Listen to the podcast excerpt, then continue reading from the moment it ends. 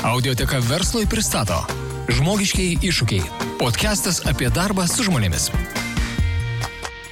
Sveiki įsijungę žmogiškų iššūkių podcastą, su jumis sveikinuosi aš, Valerija Buzieninė. Tikiuosi, jūsų vasara buvo nuostabi, kupina ryškių įspūdžių. Ir po trumpų vasaros atostogų grįžtam su nauju žmogiškųjų iššūkių sezonu ir su naujom įdomiom temom ir nuostabiais pašnekovais. E, naujame sezone mes turėsime tas pačias taisyklės. Mm, sustinkam maždaug kas dvi savaitės, kalbame apie 45 minutės ir kalbame apie visas tas temas, kurios yra susijusios su darbu su žmonėmis. Apie visą tai, kas, kas mūsų laukia vadovaujant komandoms, planuojant veiklą ir einant bendrai profesiniu keliu. E, mūsų pažadas jums yra surasti ir pasidalinti įdomis, įdomomis ir aktualiomis jums e, temomis, o iš jūsų prašom tik vieno dalyko prenumeruoti mūsų podcastą Spotify ar kitose podcastų platformose, e, prisijungti, jeigu jums taip patogiau prie Facebook arba LinkedIn žmogiškųjų iššūkių grupių arba tiesiog užsisakyti naujienlaiškį žmogiškiai.lt. E, trečiąjį žmogiškųjų iššūkių sezoną mes pradėsime su labai įdomia tema, kuri, manau, palies ne vieną. Nusprendėme kalbėti apie tai, kur dinksta norintys dirbti. Arba kitaip, kas šiuo metu vyksta darbo rinkoje. Ir labai džiaugiuosi, kad šiandien turiu galimybę apie tai kalbėti net su dviem pašnekovais. Šiandien svečiuose aš turiu atrankos įmonės People Link vadovaujančią partnerę Jurgitą Lemešiūtę. Labas, Jurgita. Sveiki. Ir Alliance for Recruitment partnerį Andrių Fransą. Sveikas. Sveiki. Tai aš e, trumpai įvesiu galbūt klausytojus į pačią temą ir į priežastį, kodėl nusprendžiau apie tai, apie tai pakelti temą, kalbėti. Iš tiesų, pastaruoju metu ir ne tik tai per vasarą, bet ir ilgesnį laikotarpį labai daug girdžiu iš kolegų, personalo specialistų skirtingose srityse, kad, na, turim kažkokį netipinį, netipinį laikotarpį matyti. Ir aš kiek dirbu šitoje srityje, personalo atrankos srityje, ne jau gal 20 metų, e, į klausimą, kaip atrodo darbo rinka, visada gali pasakyti, darbo rinka atrodo įdomiai. Ne? Tai šiuo metu, ko gero, jinai ypatingai įdomiai atrodo. E, turime didesnę negu tikėjomės skaitą skirtingose sektoriuose. Ir daug kas, daug kas e, nerimsta dėl šitų rodiklių. Pasauliniu mastu visai neseniai atsiradęs yra naujas terminas The Great Resignation. Jis buvo pasiūlytas e, profesoriaus Anthony Klotz, kuris yra e, būtent kaitos specialistas, ekspertas. Ir Anthony Klotz pagal tam tikrus rodiklius ir pagal tam tikrą statistiką išprognozavo į ateitį, kad iš tiesų mūsų laukia ypatingai aktyvi darbuotojų kaitos, na, ypatingai aktyv, aktyvus darbuotojų kaitos etapas. Ta tema buvo pasigauta žiniasklaidos, kai kažkas sutinka, kažkas ne, tačiau šalia šito termino ir šitos teorijos buvo atlikta nemažai tyrimų, tarkim, pasaulio mastu atliktas Microsoft tyrimas, kurio metu buvo apklausti 30 tūkstančių darbuotojų, parodė labai įdomų dalyką, kad net 41 procentas apklaustųjų planuoja per artimiausius 12 mėnesių mėnesių keisti darbdavi arba profesiją. Jeigu žiūrėti šiek tiek siauriau ir arčiau galbūt mūsų personijoje atliktas tyrimas Didžiojoje Britanijoje ir Airijai taip pat parodė, kad labai panašus skaičius - 38 procentai darbuotojų planuoja keisti darbdavį per artimiausius 6-12 mėnesių ir jeigu iš tų apklaustųjų išfiltruoti dar IT specialistus, tai ten tas skaičius buvo 58 procentai. Tai galima įsivaizduoti vienaip ar kitaip, kad kad dabar pusė mūsų organizacijos atsistoja ir išeina per artimiausius metus. E, ko gero, jeigu tą faktą pasiemi ir ten vat, pakabini savo virš galvos, tai artimiausias porą savaičių miego pritrūksi. Ne? Tai Jurgita Andriau noriu klausti, kaip jūs matot, ar matot tas tendencijas Lietuvoje ir ką girdit iš savo klientų? Taip. abu mandagiai palaukėm ir abu kartu pradėjom. Tai galiu aš gal trumpai pradėti. Vienareikšmiškai tendencijos labai, labai panašios ir, ir tikrai labai, na, sunku dirbti su, su organizacijom ir, ir, ir su vadovais. Patys vadovai yra labai labai pasimetę, e, nes kai ta stipriai padidėjusi, sakyčiau, jau taip nuo, nuo gegužės mėnesio ir per visą vasarą. Ir tikrai vadovai pirmiausiai klausia, ką aš čia blogai darau, kodėl iš manęs tokie žmonės išeina. Ir mes čia taip diskutavom su vienu klientu juokėmės daugiau, sakydami, kad, na, apskritai žmonės po, po, po karantino, po, po to tokio laikotarpio labai monotoniško, be atostogų, be, be kažkokių kelionių, be, be kažkokių į, didesnių įspūdžių yra pavargę e, ir nori kažką pakeisti, nes mano, kad na, va, tas pakeitimas jisai atvesti geresnį tą kelią, ar ne? Ir pasijokėm, kad darbą pakeisti yra lengviausia, nes namus pakeisti sunku, žmoną ar vyrą pakeisti sunku, vaikų irgi nepasikeisi. Tai matyt, toks juokas, bet jame yra tikrai labai daug tiesos. Antras dalykas, kurį mes tikrai labai matom, mes e, jau seniai nematėm tiek pervargusių žmonių. Mhm. Tai yra tikrai perdegimo, e, visi simptomai, kurie tik tai gali būti, netgi kandidatai per pokalbį apsiverkia, ar ne? Ir, ir tikrai, va, konkretus toksai atvejis e, kartojasi, na, reguliariai, kas seniau tai būdavo labai išskirtinis, nu, toks, kai jau kandidatas tiek susijaudina kalbėdamas, kodėl jis nori keisti darbą ar ne, nes nu, dažniausiai mes to paklausėm.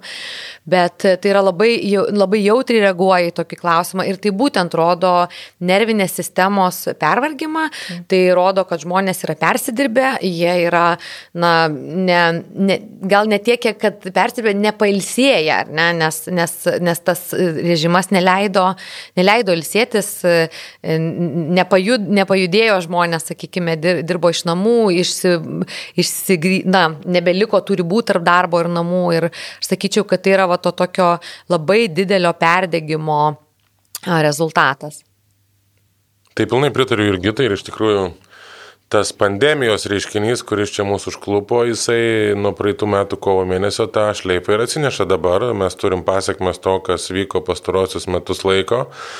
E, situaciją skirtingose sektoriuose, kurie buvo paveikti ir tada žmonės turėjo vėlgi automatiškai keisti darbą arba persikvalifikuoti. Tada didesnis spaudimas tiem sektoriam, kurie pajuto didesnį poreikį kažkokį, nežinau, maisto pramonė, parduotuvės, vėlgi atvejai su, su žmonėm, kurie susirga ir paskui ten izolacijos ir visa kita, tai kažkas turi išbėgti į aikštelę. Ne, ne vienas mūsų klientas, administracijos darbuotojai, vieno prekybinio tinklo realiai darbuotojai ėjo į parduotuvės ir krovė maisto prekes tam, kad iš tikrųjų padėti visai organizacijai, nes nebuvo kitų jokių sprendimų, kaip galima greitai aptarnauti klientus ir kažką nuveikti. Ir, ir natūraliai tas vaikų dalykas šeimose, kurie mokėsi per nuotolį e, ir papildomas apkrovimas tėvams ir nežinau, ten gal seneliams e, papildomas, kas, kai kas ir po antrą diplomą gavo, baigė ten pirmą ar antrą klasę kartu su vaikais. Tai Tai vėlgi tas neprideda tikrai to balanso, kurio mes visi turėdavom. Ir atostogos, vėlgi pernai metais jokių rimtesnių atostogų nebuvo, keliavimo suvaržymai buvo beveik pilni šiais metais lyg tai tas atsilaisvinimas atsiranda, bet vėlgi su, su visom priežastim, tai mes lygiai taip pat matom, kad e, žmonės nepalisėja ir, ir jie nežino sprendimo.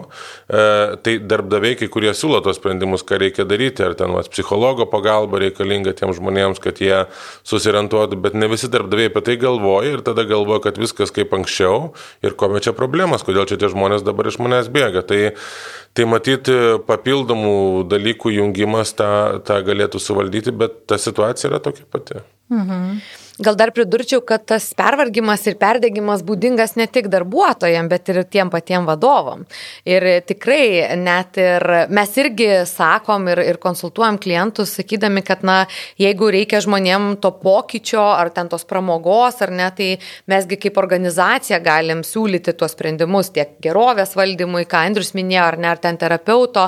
Mes patys įsteigėm gerovės vadovo poziciją pas save organizacijos viduje, nors turim tik tai 30 žmonių žmonių komanda, bet būtent matydami, kad e, organizacija irgi turi rodyti, kad tas pokytis vyksta pas mus, ar ne, kad jums nebūtinai ten pakeisti darbą, kad žiūrėkit, mes pasikeisim irgi ir, ir, ir, ir irgi sukurti ir tų pramogų mes niekada tiek nedarėm pramoginių tipo jokių nei ten renginių, nei ten e, jokių akcijų, atrakcijų, bet darom, nes matom, kad na, žmonės vieni namuose nebūtinai na, sugalvos, kaip prasiblaškyti, ar ten pajudėti, ar, ar ten kažkokią visiškai su darbu nesusijusią temą pagvildenti, ten nežinau, apie meną, ar apie sportą, ar apie dar kažką.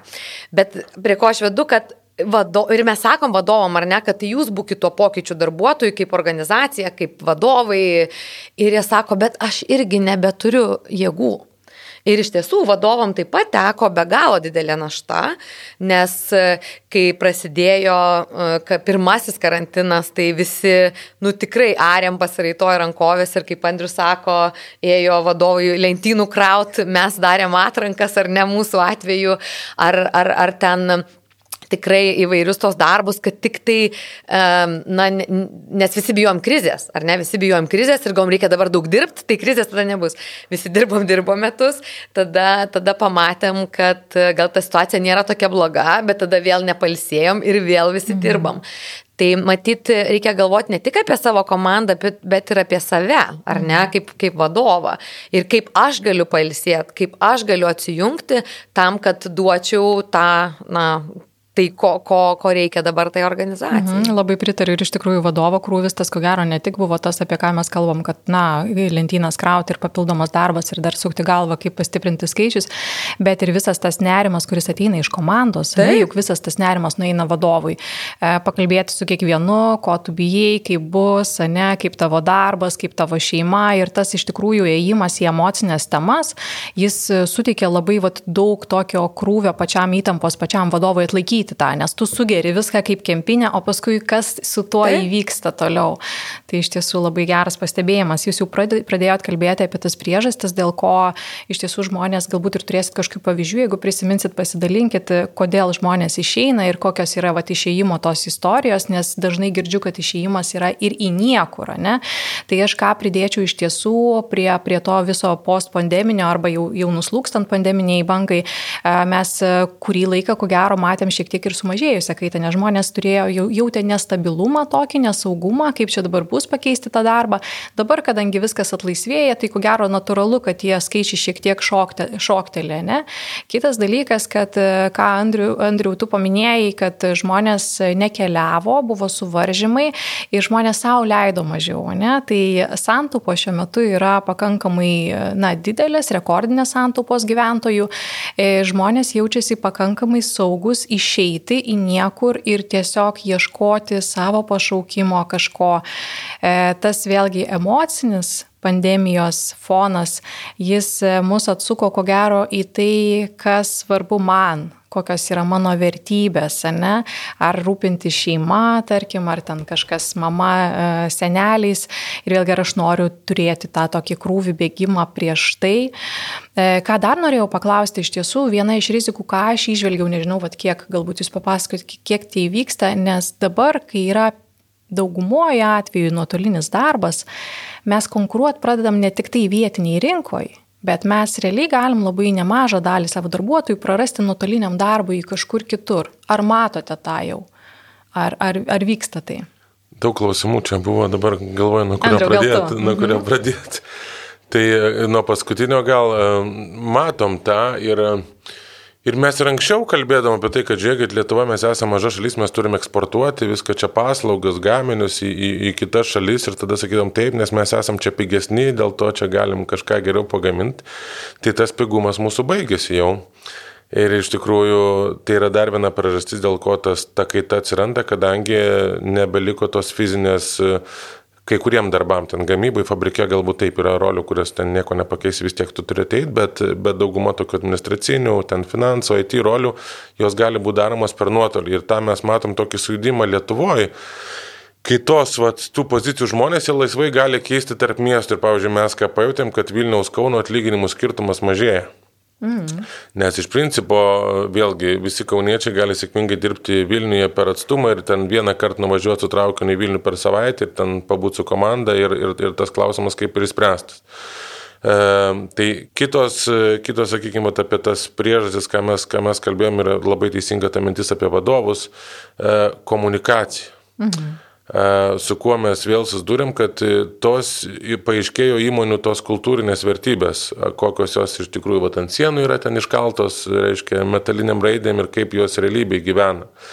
Vadovam buvo didžiulis spaudimas padaryti sprendimą, ką iš tikrųjų komunikuoti tie žmonėm ir tos organizacijos, kuris, kurios pasiryžo komunikuoti beveik viską, kas vyksta. Tai taip, ten ir darbuotojai, matyti, irgi turėjo daug ašų, nes sakydavo, kaip čia tokia grimta kompanija ir kaip čia jūs dabar nežinot, kas čia bus po tų dviejų mėnesių. E, bet iš kitos pusės tas atvirumas, jis, jis parodė, kad vadovai ir vadovai komunikavo, kad žiūrėkit, mes esame vienai valti, darom viską, ką galim padaryti, mes tiesiog sakom, kaip yra. Kitos organizacijos sakė, viskas čia pas mus gerai išnais, taigi per naktį atleidžia ten kokį 30 procentų darbuotojų. Tai tas žmogus, kuris yra pasilikęs iš tų 70, jis nebežino, kas bus, jis nežino, nes, nu, vat, viską kad viskas gerai čia pas mus. Mhm. Uh, ir tada tos to žinutės nesutampa vėlgi.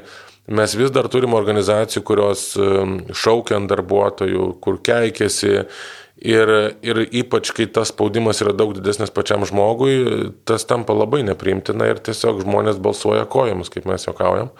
Jie tiesiog išeina iš organizacijų ir į niekur irgi. E, todėl, kad tai yra lengvesnis būdas, tuo pačiu užimtumo tarnyba pajungia portfelį paslaugų, kurios ten reiškia apsaugo tą žmogų ir ten gauna kažkiek tai pinigėlių tam, kad jis ieškotųsi to darbo.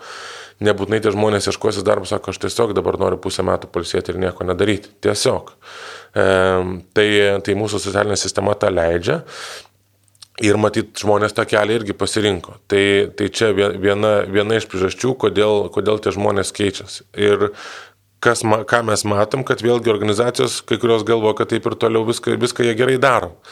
Tai, tai toj vietoj čia yra tas e, suklusimo faktorius, kad turi pasižiūrėti, jeigu pas tave kaita, nežinau, didesnė negu 30 procentų, matyt, turi galvoti, ką iš tikrųjų tu darai negerai, klausti, samdyti konsultantus, kurie galėtų padėti išorinius e, suprasti, pasišnekėti, pasidaryti tyrimus, klimato darbuotojų pasitenkinimo, įstraukimo. Nes, nes matyt, kažkas nėra gerai organizacijai. Mhm. E, visiškai sutinku, e, bet tuo pačiu ir vat, labai pritariu e, pačios tai minčiai ir ne, kad žmonės apskritai drąsiau išeina, nes ir, ir, ir santaupų matyti turi, ir galbūt jie mato, kas darosi rinkoje ir žino, kad ir rudenį tų darbo pasiūlymų jie gaus. Uh, Ir tam tikrose, pavyzdžiui, pozicijose dabar, na, ten kaip, kaip anglai sako, karštas piragas, ar ne? E, e, e, tam, tam tikros pozicijos, kaip, pavyzdžiui, skaitmeninės rinkodaros specialistai. Tai dabar jų paieška ten prilyksta kaip ir programuotojų, pavyzdžiui, paieškai. Ir jie patys kandidatai sako, kad jie gauna po kelis darbo pasiūlymus per, per savaitę, bet jie sėdi nidoj, nu nesėdi, pramogauja, pramogauja nidoj ir sako, nu tai aš rudeniop. Nes jie mato, kad, kad, kad ekonomika aktyvi, kad darbo pasiūlymų yra ir jie nejaučia būtinybės mhm. būtinai priimti vieną ar kitą darbo pasiūlymą. Ir, ir, ir dėl to vasarą leidžia daugiau savo ilsėtis. E, ir, ir taip, jeigu kaip, kaip, ir, kaip ir minėjai, ten pradžioj pandemijos buvo tas toksai, gal aš dar nekeisiu, nes pažiūrėsiu, kas čia bus. Tai dabar kažkaip visi tikrai e, tiki, kad e, bus viskas ok ir kad tikrai aš tą darbą susirasiu ir, ir kad aš čia kelias savaitės ar ten porą mėnesių palsėsiu, tai nieko tokio ne, neatsitiks. Ir, ir daugiau dėmesio skiria savo, savo šeimom, savo ten laisvalaikiu ir, ir, ir, ir panašiai. Mhm. Mes su tavim dar šiek tiek prieš įrašą e, kalbėjom apie tai, kad ir pasikeitė ir ir požiūris, ko gero, į statusą. Ne? Tai vienas dalykas, kad daug žmonių pasirenka visgi freelancinti, ne? netgi išeina iš, iš savo darbdavio ir pasikeičia tą sutartį. Ir tu labai įdomiai išvalga dalinaisi apie tai, kad, na, jeigu esi bedarbis, gal galėtum Taip, aš vat, besiruoždama irgi įrašui e, paskaitinėjau, dėl kokių tai priežasčių, na, apskritai pasaulį, nes čia ne tik pas mus šitą tendenciją, kaip, kaip, ir, kaip ir pati minėjai, ar ne, tai vat, Amerikoje viena iš tų priežasčių įvardinama kad vis, vis daugiau žmonių nedirba, ten dar dalinai ir dėl to, kad yra tikrai didelės socialinės kompensacijos, naujas prezidentas ten padidino e, jas ir, ir nėra jokio psichologinio to atmetimo, kad tu bedarbis, ar ne? E, tu paprasčiausiai esi pertraukoj, turi daug pasiteisinimo, kodėl tu gali būti toj pertraukoje, ar ne? Ir pandemija, ir, ir, ir, ir daug žmonių tame yra. Ir jeigu seniau žmogus be darbo jausdavosi socialiai šiek šiek tiek atstumtas, tai šiandien dienai na, to tokio nėra. Ir apskritai žmonės daug labiau vertina laisvalaikį. E, mes irgi turėjom klientų, kurie taip gana skeptiškai žiūrėjo ir į tą nuotolinį darbą, ir, ir, ir į nepilną galbūt darbo na, dieną ar ne, bet yra priversti keisti savo požiūrį ir, ir laisvinti tiek grafiką, tiek darbą nuotoliniu būdu, nes kandidatai paprasčiausiai atsisako jeigu nėra galimybės dirbti nuotoliniu būdu arba yra labai griežtai ribojamas darbo laikas, jie paprasčiausiai atsisako darbo pasiūlymo.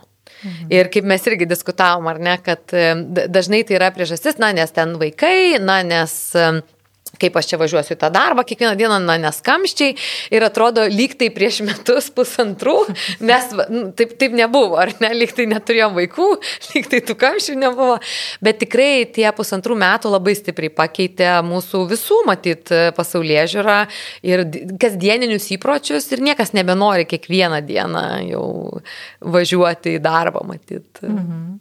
Andriu, norėjai kažką. Ir tik pridėti labai mhm. gerai, irgi čia už, užmetė tą kampą. E, kartų klausimas vėlgi čia įsijungia, nes mhm. jaunesni žmonės iš vis baimių jokių neturi. Taip. A, tai, tai, o, o tų jaunesnių žmonių vis daugiau darbo rinkoje ir ten tie gal 40 plus, jie ten turi tą baimę keisti darbą, nu kaip čia tas, aš čia 10 metų vienoje organizacijoje dirbau, čia man labai sunku persiuntat. Jaunas žmogus, jisai užaugęs dabar yra su vis, visku, viską turėjęs pakeliui didžioji dalis ir telefoną, ir ten, reiškia, pavalgyti, ir ten visokius, reiškia, laisvalaikius, tai Tai sako, žiūrėk, nieko čia nebus. Nu, kas blogiausio atveju, nuvažiuosi pas mamą, pagyvensi biški ir tiek žinių. Tai, tai, tai va tas, tas toksai lūžis galvose, kad nu čia ne problema, kokia ir palsėsiu, nu gerai, ir pavalgysiu kiaušinienę, nu ir ką, o paskui žiūrėsim, tikrai kažkas atsiras gyvenime. Tai va tas ne, spaudimo nebuvimas, ypač jaunesnė kartai, jisai tą, tą kaitą dar labiau didina. Mhm. Čia spaudimo nebuvimas ir ko gero tada dar toks nusistatymas, kad tu turi mėgautis gyvenimu ir ieškoti savo pašaukimo, ne, savęs ieškau. Tas, taip, taip, aišku, taip. ne tik jaunimui tas būdinga. Ja, bet... Bet, bet, bet jaunimas tą lengviau daro. Mhm. Bet aš tai galvoju, kad tai nebūtinai yra blogas dalykas. Mes irgi diskutavom su mm, čia vienam verslo renginį vadovu ir visi, visi susitikę po to ilgo laiko nesimatymo ir visi, visi su tom pačiom visiškai problemom. O tai kaip, kaip čia čia darysim su tais darbuotojais, niekas nenori grįžti į biurą, e, kaip čia, kaip čia tą kaitą suvaldysim ir panašiai. Ir, ir tikrai paskui taip pasijokėm kartu, kad, nu, tampam e, Švediją, Daniją ar ne, ir žmonės renkasi, jie pirmiausia žiūri savo asmeninių, e, savo asmeninės gerovės ir, ir tada jau žiūri, kaip ten prisidėti prie kažko tai kito E, pelno darimo ar ne. Tai e, Taip, tai reiškia didelį pokytį verslui, tai reiškia didelį pokytį organizacijom. E, aš kaip ir klientam savo sakau, e, visų pirma, jeigu norit, kad keistųsi situacija organizacijų, turit paklausti, ar norit keistis jūs patys, nes viskas vis tiek prasideda nuo, nuo, nuo, nuo vadovo. Bet akivaizdu, kad tie pokyčiai neišvengiami. Mhm. Bet žiūrėk, ką dar tu užkabinai, kad iš tiesų mes turim, ko gero, čia gal net, net ne kita visai tema, ne, bet mes turime ir e, visai pasikeitusi pasikeitusi, pakankamai smarkiai pasikeitusi lūkesti iš darbuotojų darbdaviui, ne, ir pasigirsta netgi tokių keistų dalykų, ko mes anksčiau negirdėjom ir nematėm, dėl to, kad ribos darb, darbo ir nedarbo, jos šiek tiek išsitrynė, ką tu sakėjai, ne apie vaikus ar kamščius, kodėl aš turiu važiuoti, bet dabar išgirstam ir tokių dalykų, na, kodėl darbdavys man neįrengia kondicionieriaus, pavyzdžiui, namuose, ne, bet sakom, taigi tu gali dirbti ir biure, bet aš nenoriu. Ir tada gaunasi, kad lyg ir aš turiu pasirinkimą pilną, bet tada darbdavys e, arba ten situacijų turėjom, kai skiepai prasidėjo, ne, įmonių, tai darbdavys turi man, na, suteikti tą galimybę skiepytis. Tada darbdavys turi pagalvoti, kad aš paskui karšiuosiu po to, tai jis turi kažkaip man suteikti laisvą dieną ir ją apmokėti. O jeigu aš karšiuoju dvi ar tris dienas ir tada vat, visą tai, na, ta, tas aišku yra labai gražu, kad darbdavys į, įėjo į temą emocinės būklės ir, na, to mental health, ne, nes tai tas labai didelė tendencija yra, bet darbuotojų lūkestis, jis toks šiuo metu, vat, jį labai reikia atsargiai valdyti ir nukreipti tinkamą kryptim. Gal jūs kažką iš kandidatų girdit, kas jiem yra svarbu, e, kaip jie renkasi darbdavį vieną ir kitą. Paminėjot, kad nuotolinis darbas ir kiek tai griežtai yra e, ofisas, ne ofisas, ar yra dar kažkokių dalykų, kurie iškilo? Matyt, pagrindinė žinutė, kad viskas yra labai individualizuota. Kiekvienam žmogui poreikiai jo labai skirtingi. Vienas turi vaikų, kitas neturi. Vienas turi galimybę dirbti iš sodybos, kitas neturi. Vienam reikia kondicionieriaus, kitam reikia gal valytojos, kitam reikia gal, nežinau, stalo, kitam reikia gal naujo kompiuterio, nes jis labai lietai dirba, kitam interneto. Tai, tai tos sąlygos, vat, darbo, nedarbo, vėlgi dar, darbdaviai sako, tai kiek čia tų stalų reikia ofise turėti, ar čia jūs tikrai teisite į darbą, bet ne, sako, aš savo kaktusiuką noriu pasidėti vat, ant savo stalo ir nuotraukytę. Ir, ir tai vėlgi yra kaštai. E, tai tas biudžetas matyti neguminis, bet kad jisai didėja pas darbdavius būtent žmo, žmonių ir darbuotojų e, reiškia poreikiams, tai, tai, tai yra faktas. Vėl tada įsijungia, ar tai yra apmokestinami dalykai ar ne, paimų mokesčių. Ir, ir tie poreikiai, sakau, labai skirtingi nuo iki, nuo to, vat, kaip kalbėjom, kiek, kiek, kiek dienų eiti į darbą, iki to iš vis, ar gal aš galiu tada dirbti iš, iš bet kur pasaulyje. Ir, ir tada, vat, kur, kur yra ta riba, kaip čia spręsti tą duomenų apsaugos klausimą. Mhm. Finansinės institucijos ypatingai ten labai atsargios yra dėl, dėl savo darbuotojų buvimo kažkur nekontroliuojamose mhm. šalyse. E, ir labai skirtingai reaguoja, vat, mes vieną turim klientą e, Lietuvoje, kuris sako, okei, okay, galima dirbti iš Liet... visoje Europoje, klientas Latvijai sako, kad ne, mes, jis gali dirbti tik tai Latvijoje, tai važiuoja, nežinau, ten į Vienspilį, į Jurmalą, bet niekur toliau, reiškia, už, už Latvijos ribų. Ir, ir tada tavo galimybės apsiriboja, arba tu turi daugiau galimybių pasisamdyti žmonių, kuriam gali suteikti tas uh, sąlygas, arba ne. Ir uh, Ir vėlgi tai, ko tam žmogui reikia, ir va, tai reiškia to e, laiko lankstaus, kada ateiti į darbą, kada išeiti iš darbo, va, ten vaikai, bureliai, e, kiti prioritetai atsiranda gyvenime, nes tada tu supranti, okei, okay, dėl ko aš čia gyvenu ir gal tada tie dalykai yra svarbesni ir tada tas darbdys, bet čia mes pas mus nuo 9 iki 5 ir niekaip kitaip turi, reiškia, kortelę kišti, kad ateini į ofisą. E, ir, ir, ir tie pokyčiai vyksta, o žmogus sako, aš tai iš vis nenoriu dirbti, sako, išjungit man tą kompiuterį nuo 5 valandos, nerašykit man tų laiškų, mm -hmm. neskambinkit man, aš nenoriu, nesvarbu, kad jūs man tą telefoną davėt. Ir prancūzai ginuoja šituo keliu, kad reiškia po ten, nežinau, 5-6 valandos laiško negalima rašyti darbuotojams ir tada visos sistemos turi atsijungti. Aš manau, kad mes irgi prie to prieisim, kad tą darbuotojų mentalinę E, mentalinę apsaugą turėti didesnį ir kad žmogus nesijaustų įpareigotas dabar atsakyti laišką kolegos, kuris tiesiog parašė tada, kada jam laisvas laikas buvo, nes galbūt jis tuo metu, reiškia, tarp ketvirtos ir šeštos vaikų susirinkinėjo iš mokyklos ir dabar jisai šeštą valandą prisėda visus tos laiškus atsakyti. Tai, tai va to ir požiūrio platesnio ir tada kažkokiu tai įrankiu, kurie galėtų apsaugoti tos žmonės nuo papildomo streso, kuris dabar atsiranda. Mhm. Ir aš manau, kad Andrius paminėjo, tai ir, ir kaštai auga, ir tas vat, personalizavimas e, stiprėja, bet visų pirma, tai e, didėja uh, lyderystės svarba arba tas vadovo laikas, ar ne, ne nežinau, laikas čia gal ne, ne visai teisingas žodis, bet dėmesys, ar ne, vadovo žmonėm. Ir tikrai daliai vadovų tai yra didžiulis iššūkis. Tai yra didžiulis iššūkis ir kiekvieną dieną ar ten kiekvieną savaitę skirti laiko tiem one-on-one -on -one vadinamiem, ar ne, e, ir, bet tai yra būtina. Nes be to mes ne, kaip vadovai negalėsim nei individualizuoti, nei kažkokį dėmesį skirti. Ir tikrai labai keičiasi, mm, keičiasi tai, kad na, vadovo darbas labiau e, tampa su žmonėmis ir tada reikia vėlgi žiūrėti struktūroje, o tai kas tada darys ten business developmentą arba gal tada, nu, nuo kurios vietos nukirpsim ar ne, nes labai dažnai vadovai turi aibėtų atsakomybių. Tai, tai manau ir nu, apie tai reikia pagalvoti. Mhm. Nu, ir čia šalia stovinti tema, ko gero, yra tas jungiamoji grandis tarp komandos, ne? Vadovas mm. su komandos nariu lik ir kalba, bet tada dirbant visiems atskirai dinksta tas social glue ir, ir dėl to ir mūsų ir keičiasi prioritetai. Tai mes aptarėm iš tikrųjų su jumis, kodėl yra kaita ir kas vyksta darbo rinkoje, bet tuo pačiu metu, ką girdžiu iš, iš rinkos, kad be galo sunku yra pritraukti naujus talentus ir, ir visi sektoriai sektoriai praktiškai vargsta ir nesupranta, kaip, kaip čia, ką čia keisti ir kaip tą daryti. Tai tokia kuriozinė situacija. Visi išeina iš darbo, pritraukti naujų neišeina, tai kur jie visi dinksta? Užimtumo tarnyboje visi yra. O jeigu, ir nidoje, jeigu, jeigu, ir nidoje, bet jeigu, jeigu rimčiau, tai iš tikrųjų dabar dirbančių žmonių skaičius yra didesnis negu prieš, prieš, prieš karantiną ir krizę. Aha. Tai ką tai reiškia, kad iš tikrųjų Lietuva auga kaip šalis. E, auga verslai, auga kompanijos, kuriasi naujos, čia net ir kažkur buvo, reiškia, statistikoje, kad Lietuva yra viena iš e, nedaugelio šalių, kur, kur daug naujų įmonių atsidarė per karantiną ir, reiškia, daug susigalvojęs taiga naujų verslų. Tai vad kažkas iš jo savo dirbti, ten, nežinau, sūrius gaminti ar ten kažkokias gėlės auginti.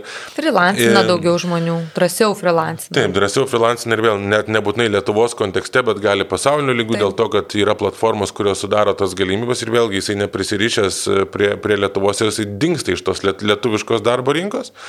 O tuo tarpu vat, yra, yra dalis žmonių, kurie tiesiog yra užprogramuoti bedarbi ir kurie niekada neieškos to darbo.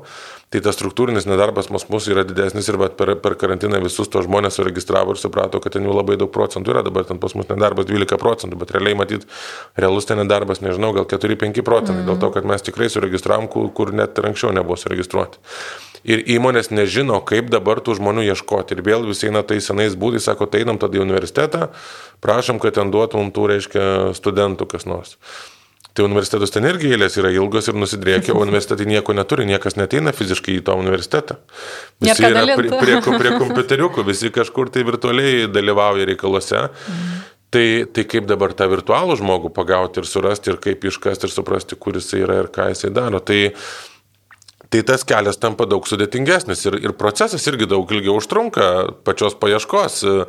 Tai ką kompanijos matyt, kaip ir ką turi daryti, tai turi daug greičiau reaguoti ir turi ieškoti kūrybiškesnių sprendimų, kaip, kaip tų žmonių surasti. Ten, kaip sakyti, angliškas variantas post and pray, reiškia, paidėk skelbimą ir pasimels, kad tau kas nors atsakytų, nebeveikia.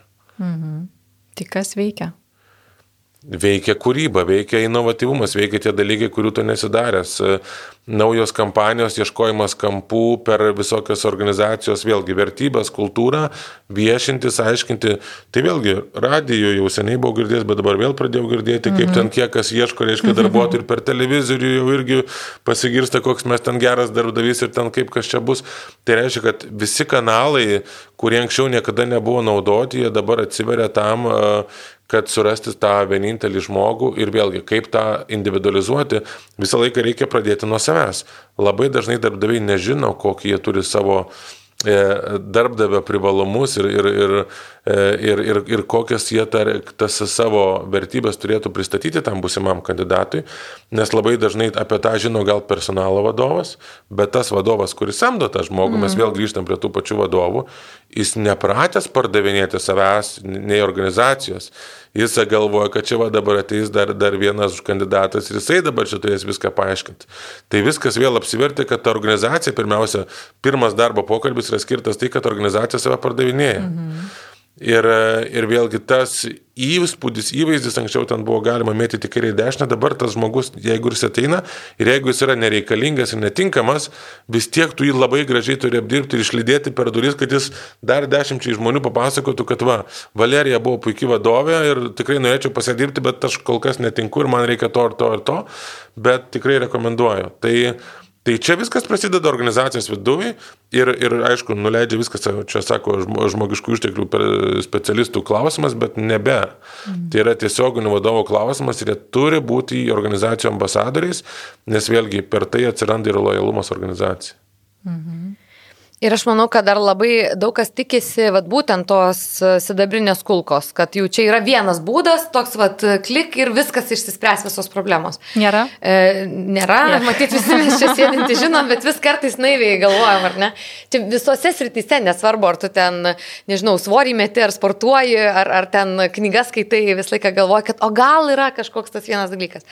Tai tikrai nėra. Ir, ir dar manau, kad nėra ir greito rezultato, nes aš tikiu, kad va, tik tai tos kompanijos, kurios turi tikrai stiprų darbdavio įvaizdį, į jį investuoja ir apie jį galvoja sąmoningai e, ir susi, kaip čia susižiūrė tuos talentingiausius rinkos žmonės.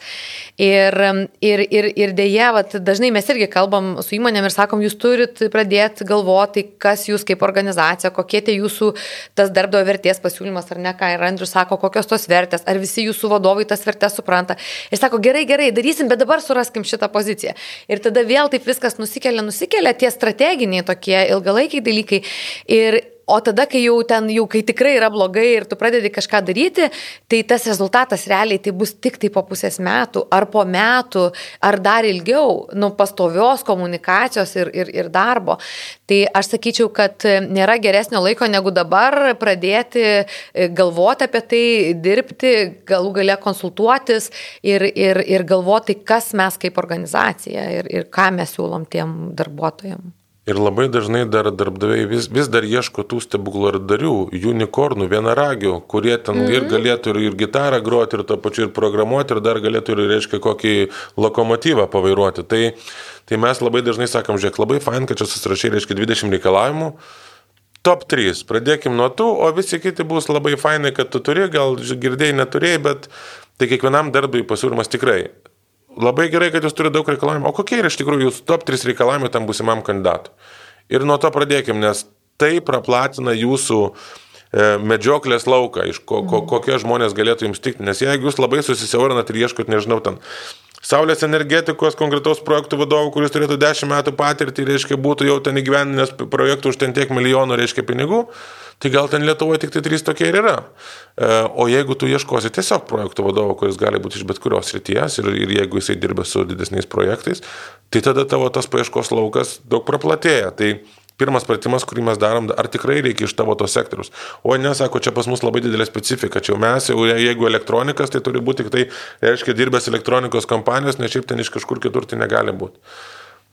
Nuo tokių smulkių dalykų prasideda tas e, paieškos lauko platinimas ir tada tų kandidatų atsiranda. Mhm.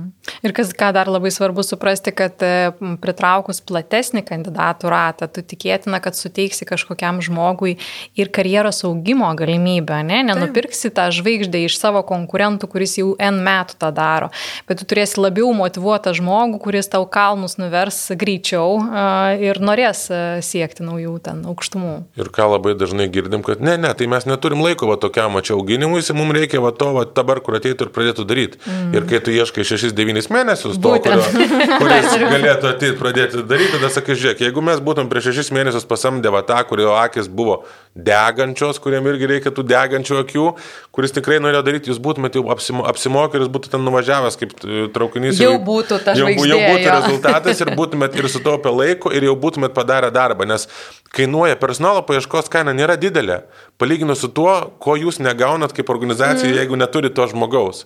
Ką labai, labai dažnai kompanijos kartais nesuvokia, jie tik tai skaičiuoja, aha, kiek čia kaštai, ai, nemokėkime jam ten to šimtų eurų atlyginimo daugiau, nes čia, nu kaip čia mes taip galim, čia per daug mūsų iš mūsų rėžių išplaukia.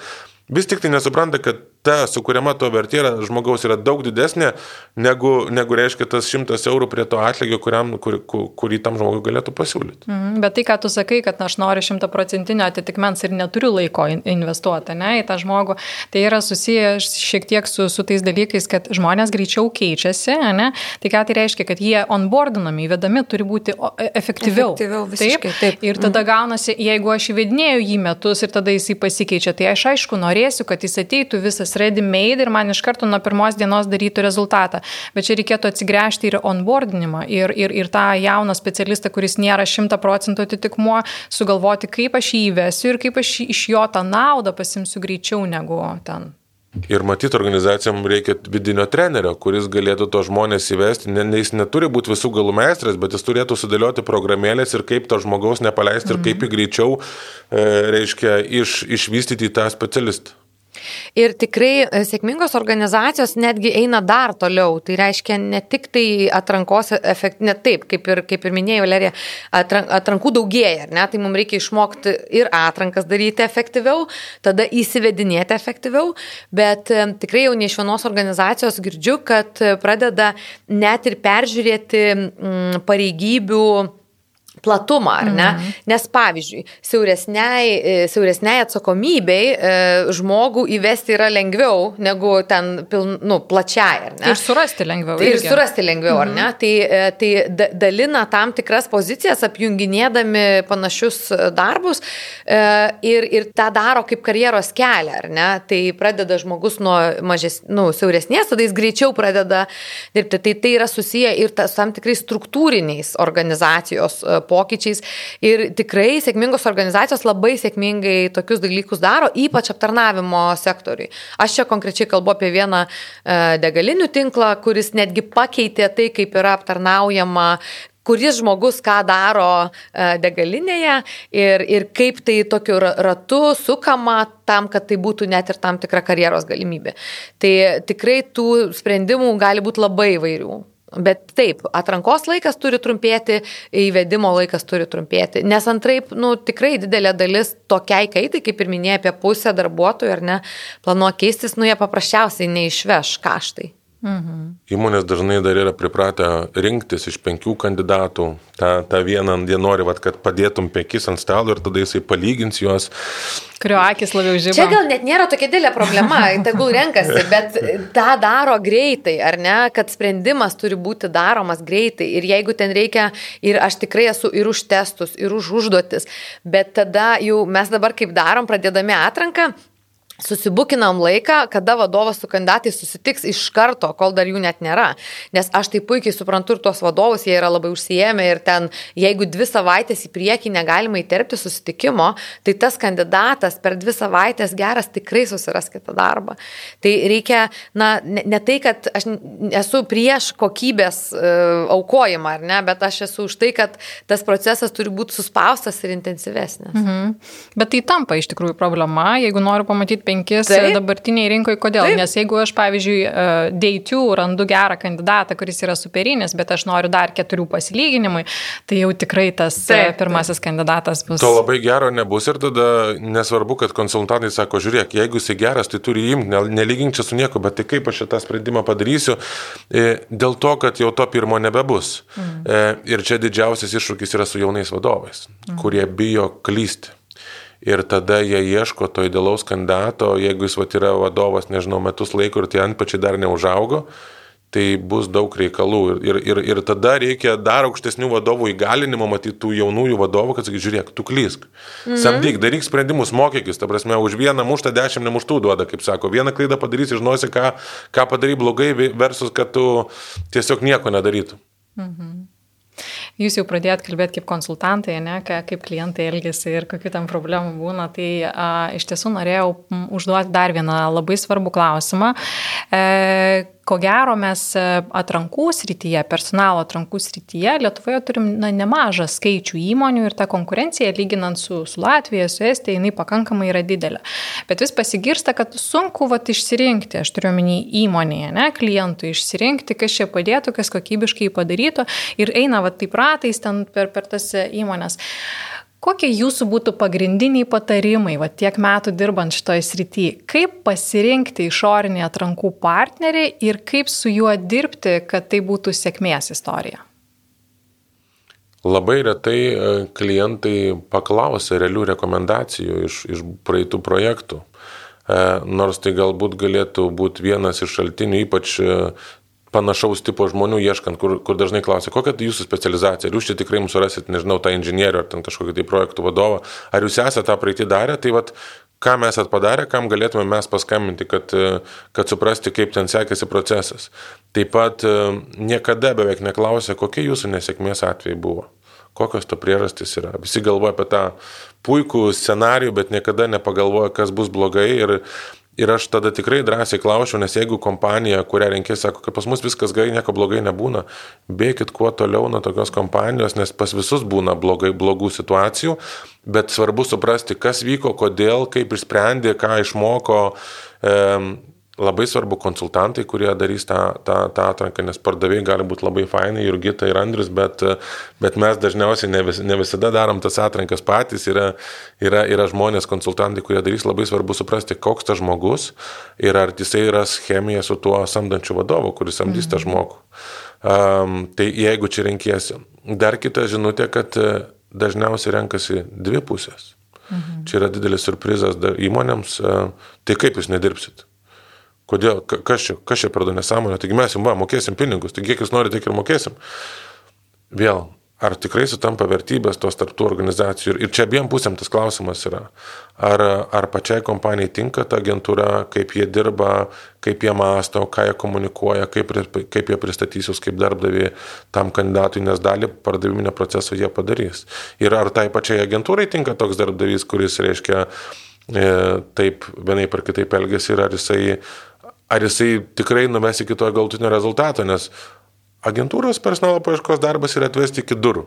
Mhm. Atveda kandidatą iki durų, paskui kas už tų durų vyksta, labai dažnai mes net nedalyvaujam ir, ir tada nieko negalim padaryti, tik tai grįžt, girdžiam atgarsus. Tai, Tai tokios gal mano čia tokios pradinės mintis, ką, ką reikėtų atkreipti dėmesį. Dažnai, kai kalbėjai, tai man visiškai skamba kaip pokalbio vedimas su kandidatu ir tada, žinai, abu perka, abu parduoda, tai labai suskambėjo taip pat.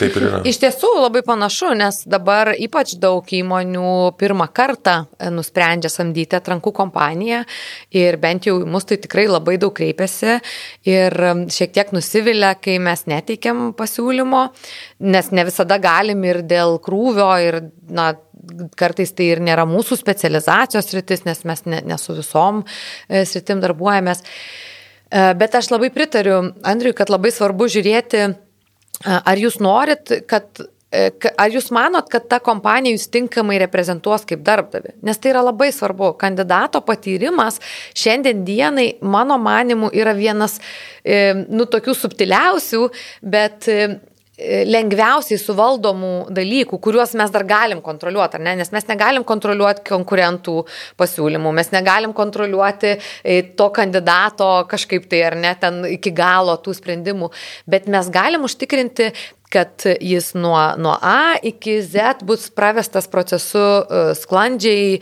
su geru patyrimu, ar ne? Ir, ir tas yra labai svarbu.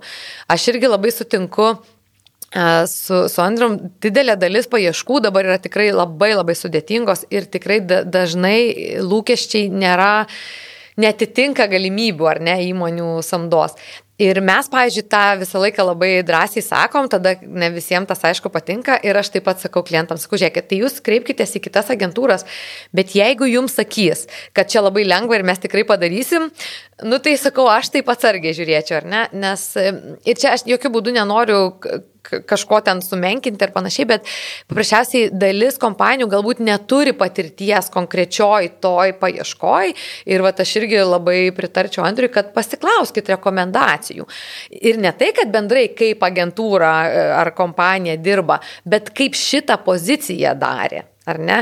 Nes ten, pavyzdžiui, ieškoti konstruktoriaus, e, projektuotojo ir buhalterio yra du, dvi skirtingos paieškos. Mhm. Ar ten programuotojo ir ten, e, nežinau, apskaitos ar, ar ten finansų specialisto.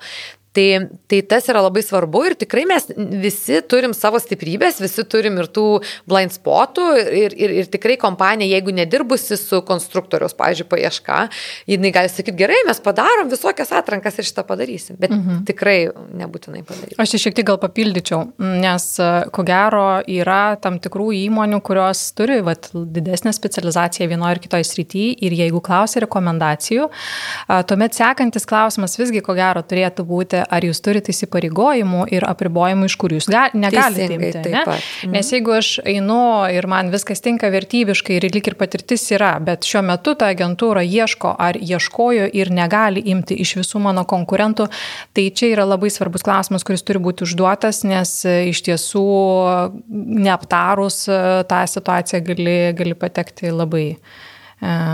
Jo, susimažinti savo dienas. potencialių kandidatų sąrašą. Taip, labai teisinga šitą. Mhm. Labai dažnai paklausia kompanijos, o, o tęsiant tą patį klausimą, ar jūs galite kalbinti ten tos savo iš tų kompanijų, va, įdarbintus kandidatus, tai, tai jeigu kompanija atsakys, kad galite, tai matyt taip pat ir su jumis elgsis, Taip. kai pas jūs įdarbins tą žmogų, tai Tai tai irgi reikėtų atkreipti dėmesį. Mhm.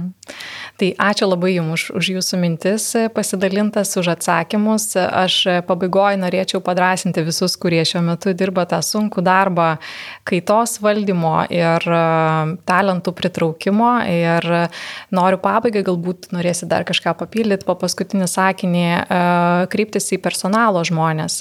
E, Ką Jurkita ir Andrius paminėjo, kad personalo žmonės žino ir yra pakankamai arti darbo rinkos. Mūsų e, vienas iš sunkiausių darbų, darbų yra, ko gero, e, būtent valdyti samdančių vadovų ir vadovų lūkesti ir pertikti jiems tą žinę, kas vyksta šiuo metu darbo rinkoje ir koks sudėtingas darbas tą talentą, tikrąjį talentą į organizaciją atvesti. Tai e, jeigu vadovai mūsų šiuo metu klauso, ačiū, aš tikiuosi, kad žodis pasiekė ausis, bet personalo žmonėm norėčiau padrasinimą, kad kalbėkim, kalbėkim ir kalbėkim apie, apie tai, kad žinutė būtų išgirsta. Ar turit kažką po paskutinį žodį iš savo pusės? Tai va prie tos, to, to, to, to pačio sakinio, kad e, ir jeigu tos drąsos pritrūkstų, nebijokit pasitelkti konsultantus, kurie gali nueiti ir tiem vadovam pasakyti, kaip iš tikrųjų yra toj darbo rinkoje. Super. Nes mes esam nešališki, nesam organizacijos viduj, tai tikrai galim pasakyti ir nebijot nuo to būti kažkuo tai nuskriausti. Tai visiškai pritariu viso mintim ir gal tik e, dar kartą užakcentuoti, kad, na, tikrai e, reikia nuoseklaus ir ilgo darbo, ar ne? Ir, ir nei viena ta problema ar sunkumas neturi greito sprendimo. Ir, ir kartais tas, kad, e, nu čia mes greitai patys e, pažiūrėsim ir tada, jeigu nieko nerasim, tai kreipsimės, užtrunka ir pusę metų ir daugiau, ką vat ir minėjo Andrius įvairiausių tų situacijų, per, kurią, per kurį laiką jau galėjo būti tas žmogus. Tai, Tai, nu, neieškoti to silver bulleto, nes jo tikriausiai nėra, o nusiteikti nuosekliam darbui. Mhm. Okay. Tai ačiū, kad buvote kartu, ačiū, kad klausėte ir iki sekančių kartų. Jūs klausite podcast'o Žmogiškiai iššūkiai. Kad nepraleistumėte naujų epizodų, kviečiame prenumeruoti laidos naujienlaiškį adresu žmogiškiai.lt. Podcast'ą prenumeruoti taip pat galite per Apple Podcast, Google Podcast, Spotify, Stitcher ir kitose platformose. Laidos partneris Audioteka verslui. Nuolatinio tobulėjimo kultūra jūsų organizacijoje. www.audiotekaverslui.lt